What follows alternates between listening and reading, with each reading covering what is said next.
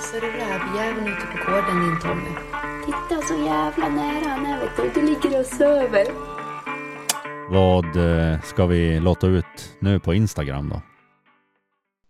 Ja, du eh, vet ju exakt vad det är. Men eh, det är ju lite koppel från ET Naturatelier. Ja, precis. Det är ju Elle som gör de här kopplen och i samarbete med hon och så ska vi ju låta ut, är det fyra stycken koppel? Eller hur var det Petrus? Ja, om jag kunde räkna rätt så är det fyra stycken. ja, till fyra lyckliga vinnare och det är en som vinner ett sånt här äh, grytkoppel med kätting och sen är det tre eh, koppel som det går att slå runt ett träd eller vad som helst och binda fast den. Eh, ja, det är grytkoppel utan kätting. Ja, det är, det är ja. vanlig biotan. Ja, exakt. De är fina, välgjorda och den här tävlingen finns ju på Instagram. Följ, följ oss eller vad fan ska man göra? Det, ja, mig det. behöver ingen följa men kanske Rovdjursjägarna podcast och ET Naturatelier. Ja, vi gör så att eh, gå in på Rovdjursjägarna podcast på Instagram och så följer ni oss och dela och gilla och ET och Naturettalé där så har ni chansen att vinna eh, ett koppel som vi använder och eh, gillar väldigt mycket. Tack så mycket och eh, det kommer eh, nya spännande poddar här och tokigheter här från oss på Rovdjursjägarna. Och ett tack till våra sponsorer JK Hunting och Hunter. Nu släpper vi in dagens gäst. Låt oss presentera. Han driver en av Sveriges mest kända kennlar. Han är även grundaren till ett klädmärke som heter likadant som den. Men framför allt så brinner han för rävjakten med stövar och terrier. Välkommen Kjell Lennartsson till Rovdjursjägarna Podcast. Eh, tack för att jag blev inbjuden. Jo, eh, ja, jag kom in på jakten. Jag är väl uppfödd med eh, jakten. Min far han jagar i stort sett varje dag hela hösten. Och vi hade ju mycket jakthundar här när jag växte upp så det är väl det är väl, eh, de har väl fått med modersmjölken som så så att eh, både min far och min morfar jagade mycket så att eh, det är väl det. Men vad var det de jagade egentligen? Var det älg? Eh, mest var ju rådjur och räv och hare. Det var ju inte så mycket älgjakt på 70-talet när jag började hänga med. Eh, men sen på 80-talet då växlas det över. Då blir det mer och mer älgjakt för då kommer älgexplosionen. Så att eh, i början var det väl drever och stövare och sen så blev det mer och mer älgjakt. Eh, så det är väl, men det, det har alltid varit mycket småviltsjakt här också. Jag tror de flesta har ju hört eh, Herschla och Herkelas kennel också, men eh, vet du, vad var det för någonting som startade det? Vad var det för någon hundras som... Ja, min far började ju med, med drever. Eh, början på 50-talet köpte han sin första drever. Han hade någon smålandsstövare innan. Eh, 1963 köpte han hans första jämthunden och 69 fick han väl fram första champion. Eh, så att eh, Sen började vi väl, han hade ju någon stövare när han växte upp och sådär men han hade, det var några år då, 70-80-talet, då hade vi ju inte, och jag köpte väl min första finstövare i slutet på 80-talet. Och sen eh, hade han några schweizerstövare. Eh, han jagade ju nästan bara hare då. Jag började väl jaga hare också men sen så växlade man ju över på rävjakten för jag tyckte kanske det, det var lättare att kombinera det med älg, älgjakten för att det krävs ju att man håller igång konditionen på hundarna och på, på samma sätt som en älghund. Så det, eh, sen harjakten kräver extremt mycket tid för att köra fram en harhund. Så den tiden hade jag inte riktigt. Så. Men en, en bra harhund har jag haft i mitt liv i alla fall. Så jag blev champion. Mm, en, en finstövare. Sen har väl jag jagat mycket räv även med drevrarna under, under den här 70-80-talet. hade, hade speciellt en drever som var, han var riktigt bra på det faktiskt. Ja, men det här med drever och rävjakt här, vi har fått ganska många frågor om det och kan du liksom, hur går det egentligen att jaga räv med en drever? De buktar ju väldigt bra oftast. Det är, det är ju inte så, de driver ju inte så fort. Eh, och skallar bra så det kan ju bli väldigt roliga drev. Eh, och är det en som är, eh, är riktigt rävintresserad så är det ju det är en riktigt bra hund till det. Och skulle man göra en rådjursren så, så tycker jag det, det, det, nackdelen är ju snön när den kommer och att det blir med lite kortbenta. Då. Fördelarna är att de skallar ordentligt och det är då, då får de ju oftast räven att gå ute. Så att, eh, då, ja, det blir fina drev. Kan den ta väl kalla spår generellt en eh, sån? Ja, det kan de om de är liksom tränade på det. Så kan de göra det. Så att eh, det är likadant, en, en drever kan ju faktiskt bli riktigt bra på hare också. Så att eh, men det, det, det, är ju både att det krävs rätt genetik, att de har anlag för, för just att jaga räv eller jaga hare. Och sen eh, att man tränar tillräckligt mycket. Att de får, får möjligheterna. Och anledningen till att jag fick den här dreven på slutet på 70-talet och blev bra rävhund, det var ju att jag satt ju mycket och vakade räv på nätterna. Och så hade jag han som, som lite eftersökshund om det började med att man inte fick perfekt skott och så ut med han och så fick han ju oftast göra jobbet då. Så att, eh, och sen jagar jag också med han på, på månsken. Det tycker jag är jävligt kul det där att jaga räv på månsken. Så att eh, det, han blev ju präglad på räven, givetvis. Samtidigt som kanske du också blev präglad på räven och du köpte, när köpte du liksom den första den här finstövaren för att enkomt eh, få den till en räven? Första finstövaren jag köpte, där köpte jag i Norge och den, det gjorde jag ett stort misstag med den. Den, den jagade jag, ju, jagade jag ju sönder för jag började jaga alldeles för hårt med den någon gång. Så det blev katastrof. Det blev höftledsfel på den. Hon, var, vad skulle, hon var färdig att starta när hon var drygt året. Eh, och drev hare grymt bra. Men sen åkte jag röntgen och då var det D-höfter på en. Så köpte jag, eller jag fick en ny eh, uppfödare där uppe i Norge, en, en god vän till oss. Han hade köpt en del drevrör, och sådär så jag hade lite utbyte. Och han, eh, eh så fick jag en ny och eh, den körde jag väl fram av någon etta på hare eh, medioker hund. Men det var dög i alla fall. Och sen tog jag en kull på henne och, och eh, där körde jag fram den, en hane tog jag i den kullen. Den blev svensk, norsk och finsk champion. Så det var, det var en bra hund. Bästa harhunden jag haft. Så att, eh, men sen hade jag inte tiden att jaga räven riktigt. Så att, eh, eller hare då. Eh, så var väl fundersam om man skulle kanske växla över på det. Men jag köpte en tik i Finland. Hon hade ett första pris i, eh, på hare eh, i Finland. Och så började jag göra henne rådjursren här och fick hem henne i september. Hon var ju tuff på rådjuren den första där så det tog väl några månader innan jag fick ordning på henne. Men eh, där framåt jul eh, och i januari där då blev det ju mer och mer rävdrev med henne. Och eh, det gillar jag. ju. det är ju jäkligt bra drev och så bra tryck i det. Så hon blev, eh, hon blev riktigt bra på, på räv. Körde fram henne, hon blev dubbelchampion. Så att eh, det var en, en lyckoträff. Och sen så tog jag en kull på henne. Fick jag Aja då. Och eh, den eh, vann jag ju SM med sen. Hon var ju en riktigt bra rävhund. Mm.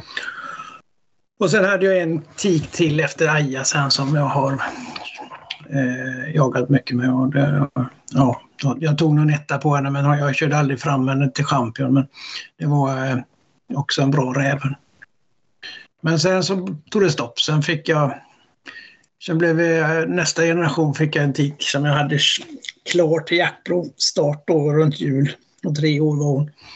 Och så blev hon ihjälkörd så där blev det stopp kom jag inte vidare med den linjen. Där jag, jag åkte faktiskt och para, para eh, Sita då som hon hette. Eh, så jag fick en kull men hon sparade två valpar men båda de blev ju bara harhundar. Det blev ingen, ingen, ingenting att ha i rävskogen.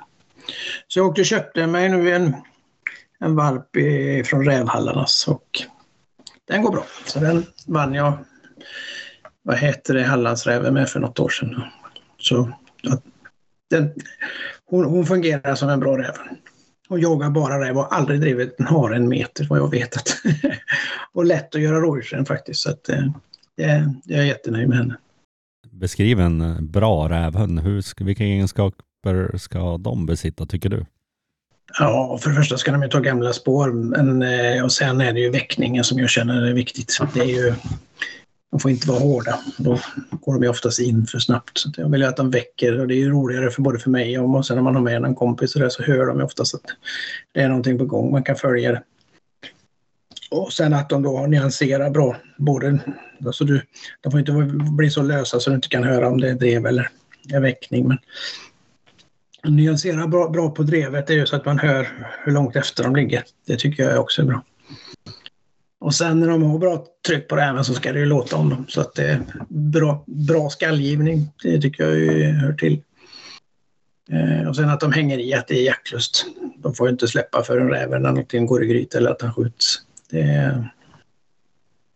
Sen är det givetvis bra om de är duktiga drevar, alltså drevsäkra då, så att de inte får massa tapter utan reder ut om räven tar en torv, eh, grusväg någon kilometer och kanske dubblar som en hare kan ju räven göra också ibland.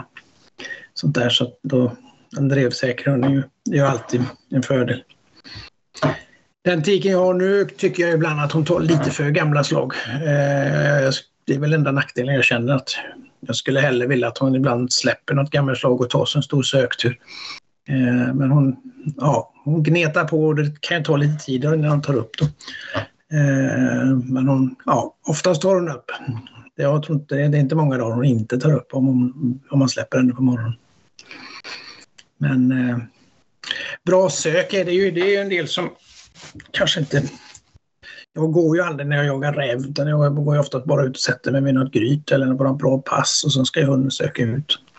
Så det tycker jag också är en viktig egenskap. Och sen givetvis som alla hund, ja, hundar, jakthundar jag håller på med så är det ju återgången. Att de, när räven går i gryt så vill jag att den kommer tillbaka. Eh, helst vill jag inte åka och hämta dem någonstans. utan Det, någon gång ibland får man ju göra det när det är någon farlig väg eller sådär. Så att, men helst ska de ju gå tillbaka. Det, det ska finnas i huvudet på dem att de går tillbaka. Så, ja, det är väl vad jag kräver av en bra räven. Men om du har den här äh, valpen då, hur, hur får du den till den här bra rävhunden? Vilket är de första stegen? Ja, jag ska ju ha några åtlar så att jag kan släppa på, på bra ställen och sen eh, försöker jag ju ha koll på vad jag har rävkullarna nu. Så att man är ute tidigt på hösten och försöker släppa i de områden där man har kullar. Det finns, då finns det ju möjligheter att man får skjutit räv tidigt för dem. Eh, jag släpper gärna hundarna på kvällen också. Det är en del som inte kan det. Men det är ju det, har man mycket hundar så måste man utnyttja alla timmar, alla ljusa timmar som finns. Så att eh, jag går ju ofta på kvällarna lite grann och gryt med de valpar och så här så kommer de oftast igång och, jagar på det viset. Eh, och även ja, fram på eftermiddagen ibland så går de ju ut. Det är lite olika dagar och så där. Så att eh, det är och sen ibland när det är spårsnö fram på vintern då tar jag någon, kanske någon långlina och, och går själv på spår och spårar.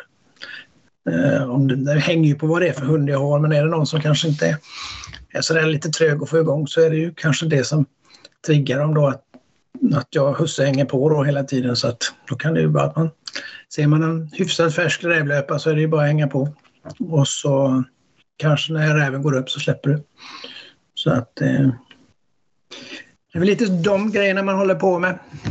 Och sen får de ofta, unghundarna får ofta hänga med när man har kört in någon räv med de äldre hundarna och kör ut dem med terriern. Då får de ju stå med där och, och vara med och när räven går ut kanske man skjuter någon räv för dem och de får vara framme och lugga lite i den. Så det är väl, ja, det är väl ett sätt som jag tycker funkar. Men du hade haft några eh, stövare eller finstövare som inte ville jaga räv också, som bara föredrog hare. Ja. Eh, Men det var helt omöjligt att få dem att jaga den här räven. Nej, men det är ju det jag märker ju snart om det blir en bra rävhund eller inte. Det är, jag, har ju, jag har faktiskt en nu som hon, hon har jag, jag har skött en fyra, fem rävar för henne kanske, men hon föredrar ju hare i alla lägen. Så då, så eh, hon går inte på så kalla eller rävslag eller något sånt. Det är om hon kommer på någon räv så kan hon driva den en stund. Så att, eh, men eh, hon är ganska duktig på hare så att hon får väl hålla på med det tills ja, hon är pensionerad i stort sett nu. Så. Det, är, det är mycket anlag känner jag väl. Det är att det, de måste ju ha lite det här rovdjursanlagen och de måste vara rätt mycket jaktlust också. För det är oftast de här som har mest jaktlust som blir rävhundar tycker jag. Nästan att det slår över lite grann ibland. Men om man jämför en harhund och en rävhund, upplever du, alltså vad är jaktlusten? Är det mer på en harhund eller mer på en rävhund om du förstår frågan? Den här är ju lite känslig den här frågan. det är ju att rävhundarna har mer jaktlust som, som kanske en del har jägare som, som protesterar. Men jag, jag, alltså, de här som jag har haft som har varit riktigt bra, det har ju varit jäkligt mycket jaktlust i dem. Eh, och det är väl, ja, sen vet jag inte om det det finns givetvis hundar, alltså harhundar som har jäkla mycket jaktlust också men det är väl jaktlust ska de ha i alla fall. Det är viktigt. Men vad är svårast att skjuta då? Är det att skjuta många harar eller skjuta många rävar? Det är ju rävarna givetvis. Det är lättare att jaga in en rävhund men det är svårare att skjuta en räv på drev. Så det är, man får ju, räven ligger ju ofta långt före. En hare är ju inga märkvärdigheter. Det är ju bara att ställa sig efter någon väg eller någonstans. Så, någon bra pass så, som man känner till så kommer de ju oftast där. Medan rävarna vet man ju aldrig riktigt av i gryt och sånt där. Men de ligger kanske många gånger långt före och då är det ju svårare och svårare eh, vilt. Man får ju man får ju tänka sig för att stå helt still och kamouflera sig också. Jag jagar ju alltid i kamouflagekläder när jag jagar det. Det märker jag, det är en liten fördel. Så att... Eh, det är väl så. Och sen vintertid, man får stå timme efter timme på pass. det kan ju vara kallt. Går inte att stå som en harjägare, han kan ju sitta där och göra upp eld och grilla och sin korv och alltihopa. Det är en jäkla skillnad. Så det passar ändå eh, glada pensionärer harjakten ändå då? Ja, ja. Det är, det är en trevlig jakt det också så det är, inget, det är ingenting att racka ner på utan det är väl det är, det, man ska bara beundra dem som kör fram den ena harhunden efter den andra. Det tycker jag är fantastiskt. Det, de, får, de lägger en jäkla massa tid på sina hundar, det ska man ha klart för sig. Hur upplever du eh, stövarjakten har förändrats under tiden? Hur är populariteten nu upplever du och hur har den varit genom eh, det här, eh, din verksamma tid? Ja men här, eh, här i byn fanns det ju en jäkla massa stövare för, för. Så det var ju både harhundar och rävhundar. Men eh, nu är det väl egentligen bara jag som har stövare kvar. Så att eh, det har förändrats totalt. Eh, och framförallt harjägarna, de, de är ju utrotningshotade. Rävjakten är ju den är ju lite roligare för där får du ju med även de här som jagar med rådjurshundar sen när rådjursjakten är slut. Så kommer de ju. De vill ju vara med. Tycker ju det är skitkul när man jagar räv också då. Så att du får ju lite sällskap i slutet på säsongen. Eh, så det är väl, ja. Det är väl en skillnad. Och sen är det en del yngre killar som har satsat på rävjakt. Det tycker jag är jävligt kul. Så att det, det, och det är en suverän jaktform. Man kan ju jaga från 21 augusti nu till eh, sista februari. Så det, det är ju det är en riktigt lång jaktsäsong. Och alla vill ju ha jagat räv så det är inte, det är, man, man, behöver ju knappt inte ha några egna marker. Folk ringer ju och vill boka in sig redan nu till de här veckorna i januari, februari. Men jag tycker nästan bäst att jaga själv eller med några goa gubbar som, som ha, vett att stå still och vara tysta. Ja, vi pratade om injagningen förut här, men är det någon skillnad på att jaga in en älghund mot en stövare? Eller gör det på något annat sätt då, eller tänker ungefär samma? Nej, det är skillnad. Jag, jag går ju mer med älghundarna. Uh, det så, och sen är det ju jätteviktigt att skjuta för en älghund det är inte så himla noga att skjuta så oftast för, för en stövare. Den, den jagar oftast ändå. Det är mest. Men eh, eh älghundarna är ju väldigt bytesmedvetna. Eh, eh, alltså att de vill ha, ha den här belöningen men att det ska skjutas för dem. Sen är det väl eh, ja, träning. Konditionsträning tycker jag äh, även stövarna ska ha. Jag tränar, jag cyklar ju mycket med älghundarna och stövarna får ju åka, eller får ju följa med också. Så jag försöker ju innan säsong ligga på mellan 3 och 5 mil i veckan med, med dem då på cykel. Så att det tar ju lite tid. Så att eh, konditionen är grunden i all ingången på utav hundar tycker jag. Det, har de bra kondition inför hösten så är det oftast lättare att jaga in dem. Ehm, de som är, inte har tränat inför hösten så är det svårare att, att få, få igång dem. Så att det är väl en, en sak och sen Sen är det väl, älghundarna går ju oftast och spårar lite grann med och de kan ju också bli sparkade, så skadade och skrämda. Det kan ju inte en, en stövare på samma sätt. Alltså en, du kan ju ha en, en unge som går igång jäkligt bra och sen är det någon, stöter han på kanske en älg som jagar han som fasen och kanske blir sparkad eller neds... Ja, då, då, är det, då kan det vara svårt sen att få igång dem igen. Så att eh, det, det drabbas man ju inte riktigt av. Medan du har ju en sak som är på stövarna och det är att det ska vara rådjursrena. Så där, där kan man ju få lite, när man får väl fått igång dem och jaga så ska man ju ha dem att inte jaga också. Så att, och vi jagar rätt vilt då. Det är ju utmaningen. Så att eh, det är ju det, tycker jag, den, den svårare biten på, på, eh, på stövarna. Att verkligen få, få dem rådjursrena och kunna lita på dem. Har du något tips där på att få dem här? För en del är ju väldigt svårt som du säger att få rådjursren. Vad, hur brukar du göra på det ungefär? Alltså jag försöker när de är väldigt små sätta, klara, klara ut vem som bestämmer. Och framförallt lära dem stanna. Eh, alltså kommando stanna så att de kan få stopp på dem. Det är hopplöst om du liksom har en hund som rundar dig när du liksom står där så ska stoppa och det är ett rådjursdrev. Så stanna är, det, det lär ju alla. Det är, ing- de får inte gå en meter efter att jag har rutit till stanna dem. Och det kan man ju göra med, med linor om man kör lite linförighet på dem så att du lär dem fot och sitt och ligg och allt det här från början. Då har du ju koll och sen, sen kommer ju stanna där. Eh, så att det är en, en stövare lägger jag ju mycket mer sån dressyr på än jag gör på en älghund. För lägger du sån dressyr på älghund så blir de oftast trånga i söket och de blir, de får inte, blir inte så ståndfasta så att de står och skäller tillräckligt länge. Så att eh, det, det är en avvägning där. Man får också välja. Ibland kan man ju ha någon jaktidiot till älghund med som man kanske måste dra, dra på med lite mer eh, dressyr för att han ska bli mer följsam. Då.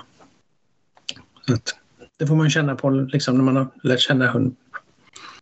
Men stövarna, där, där, får man börja redan när de är unga, att de vet vad, de, vet vad stanna betyder. Ja, jag vet Erik hade någon fråga här angående björnjakt. Här. Vad var det för någonting du undrade Erik? Jag funderar på lite där med jämthundarna om du har, om du har någon eh, erfarenhet av någon björnjakt eh, med jämtarna med där. Du har varit uppåt. Nej, det har jag inte för att jag, jag har inte tiden i augusti. Jag har jobbat, jag jobbar alltid fram till första älgjakten. Eh, och det är så man får ju prioritera lite grann vad man ska göra. Så jag har varit uppe någon, något år. Jag hade en tik som var, hon skällde ju björn riktigt ordentligt men sen det krävs ju att man, man eh, måste prägla dem riktigt. Och, och eh, jag har väl någon som skäller lite björn ibland. Och, ja, sådär. Men i och med att jag inte bor på rätt ställe och har präglat dem så, så blir det ju liksom ingen ordning med det. Så att jag, därför så väljer jag hellre bort det. Eh, men jag skulle gärna, hade jag fått, haft mer tid så hade jag gärna lagt lite tid på det. Så att, eh, och det, är där är ju också olika anlag, olika, olika linjer som, som funkar och inte funkar. Då. Så mm. nej, jag kan inte säga att jag har någon erfarenhet av björnjakten alls, utan det är väl det är andra som är mer specialiserade på det. Ja, just det. Men du har haft lite björnskällning eh, när du har varit uppe och, och jagat älg då? Ja, det har jag haft. Det har jag. Det har jag. eh, Så att, eh, Ja, Men då har det varit fullskjutet med så. ja, det har det varit. Det är ju nästan alltid när man kommer upp och jagar, jagar älg så är det ju Vi hade väl nu den här, nu har varit iväg i tre veckor och i Jämtland var det inte fullskjutet när vi var där nu. Så att, där var vi väl klara för att skjuta om det blev något, blev något läge men det, det, ja, det finns det älg så tar ju de älghundarna, de tar ju älg först och främst. De gör ju fel egentligen om de börjar jaga en annan vilt. Så det, Ja, nej precis. Det, det, det måste ju ligga i, i generna och, Ja. och eh, när man inte bor där uppe. Sen är det ju, tycker jag, jag har ju kompisar som har bra björnhundar och det är, en jämthund är ju kanske inte så spårbenägen som en, som en stövare är. Så att eh, jag tror ju de som är, funkar bäst är ju de som är duktiga också att ta spår. Så att eh, det är väl ett, ett anlag som kanske som utmärker då. Och sen att de givetvis har mod och vågar skälla. Men det, det, det är ju lite olika linjer där också givetvis. Ja, det håller med dig helt. Det är ju framförallt den här spårbenägenheten. Eh, viljan att kunna ta, ta ett gammalt spår och sen eh, inte ja, att de prioriterar det spåret och inte ett, när de korsar ett älgspår. Ja. Så det, det är ju den där avvägningen. Men det är ju som du säger, det är inte många jämthundar som, som tar eh, så gamla spår heller. Nej, gråhundarna är ju mer kända för att ta spår än vad jämtarna är. Nu har vi fått en del linjer som är sådana här spår, spårbenägna på jämtarna. Men jag kan väl... Eh, ja, det är både för och nackdelar med det också. Ja, ja. Eh, älghundar som nu under brunsten kanske hänger på. De kan ju hamna flera mil bort innan de får upp älgen ibland. Så det, det är ju inte så jädra kul. Så att, eh, Nej, det, det, det är ju egentligen bara på björnjakten eh, som det är bra. ja, Eh, att, de, att de inte ger sig. Men Mm. eh, här nere är det ju det är ju inte så, så bra om de hänger i ett par tre kilometer på, på en älg. Eh, det är ju grannlag och till och med Ja. laget bortanför det. Så, Ja. så är det ju. Det är ju för och nackdelar. Ja, nej, men så är det väl. När älgen väl är uppe så hänger de ju i oftast bra långt men eh, det är kanske på spår. Så, alltså ren, ren nattspår tycker jag inte de ska hänga i för jäkla långt från det. Det blir oftast upp då mm, på fel marker. Då. Ja, men Vad har du för filosofi om hundavel när det gäller älghundar och sen så är det någon skillnad på liksom stövarfilosofin där? Ja, jag sitter ju i avgiftskommittén för Jämthundsklubben och eh, har väl jobbat mycket med index eh, för att vi ska få igång det på så att vi kan eh, indexera de olika egenskaperna, jaktegenskaperna som sök och ståndegenskaper och, och sånt. Så det har vi ju fått igång eh, på Hitta älghund då. Så det, där kan vi då köra ut listor på hanungslistor eh, på eh, hur de nedärver, om de nedärver med ja, över eller under medel då, på sök till exempel. Det är ju ett verktyg som, som jag tycker är riktigt bra. Det, vi hade ju kor här på gården innan och där, där inom husdjursaveln har man ju använt detta med eh, egenskapsindex under jättemånga år. Och eh, nu är vi ju igång med det i Jägarklubben och, och de här indexen, de, det borde fler ta efter. Eh, för det, det, det tycker jag är riktigt bra instrument eller verktyg när man ska välja hane till sin tik. Har man en tik, till exempel en tik som är lite trött i söket, ja men då vill jag ju välja en hane som, som ger riktigt bra sök på indexen, höga, höga index där. Och när det gäller älghundar så, så väljer ju jag oftast, det jag tittar på först det är ju att de har höga index på skalltid. Eh, att de skäller länge och att de är ståndfasta, att de inte släpper. Eh, för då får du oftast de andra i anlagen på köpet. Och sen givetvis söket. Då. Och sen tittar jag oftast på skall, det är som fjärde då, att de har ett bra hörbart skall. Då. Eh, det är så jag väljer hanar. Och sen, sen är det givetvis att eh, det ska vara en bra pristagarprocent också. Men pristagarprocenten går alltid att påverka genom att placera valparna på till rätt gubbar. Men egenskapsindexen går aldrig att påverka. Det är de hundarna som är på prov, då ser du, då kan du mäta hur, hur bra jagar de. Det är ju en stor skillnad på pristagarprocent, alltså pris på ett riktigt bra första pris på 90 poäng och ett och ett eh, tredje pris. Eh, men i pristagarprocent så värderas de lika. Men i inde, tittar man på index så, så ser man ju klart att den, den hunden som har mer förstapristagare han har ju givetvis högre också i skallindexen, alltså skalltidsindex. Då. Så att, ehm, och det skulle man kunna göra på, även på stövarna mer. Då skulle man ju också kunna, kunna indexera om de har rovdjursintresse och, och sådana, sådana saker på ett helt annat sätt. Så, ehm, det är väl en sak som jag tycker vi, vi ligger före stövarklubben med, så är det väl detta. Eh, sen är vi väl, sen är det väl också kanske med sjukdomar och, och sånt. Vi är ju kanske lite längre, men det beror ju också på att vi har större, alltså, jämthunden är ju en av de största raserna i, i Norden så att vi har ju många fler att välja på och då kan vi också vara tuffare när vi slår ut hundar som, som kanske har någon sjukdom i, i sina linjer eller något sånt här. Så nu ögonlyser vi ju till exempel alla som ska paras för att se så att vi inte får med någon PRA-hund i avel. Eh, vi HD-röntgar ju alla både armbågar och höfter. Eh, och det gör ju att hundarna blir ju bättre och bättre, höfterna blir bättre och bättre och armbågarna blir bättre och bättre. Det tar många år att få ordning på det men, men vi har ju väldigt bra siffror på det. Nu ligger vi på 7 procent och på HD-fel, vilket är riktigt bra. Eh, riktigt ner i botten kommer vi aldrig för att det är många som är ute tidigt med sina hundar och kanske av den anledningen får lite fel på dem.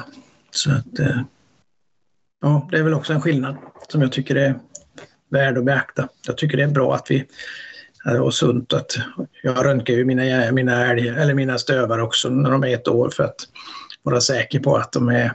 Jag vill ju inte lägga tid på en hund som har som kanske har D-höfter och lägga massa tid att jaga in en sån, då är det bättre att ta bort den och satsa på en ny hund. Så ja, det är väl min, min filosofi kring det.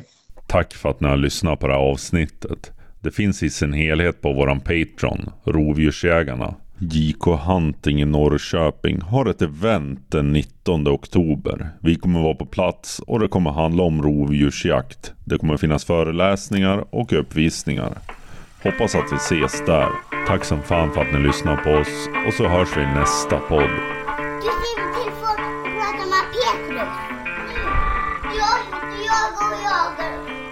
Jagar, jagar, jagar. Med dina kompisar. Du får inte göra det. 哥哥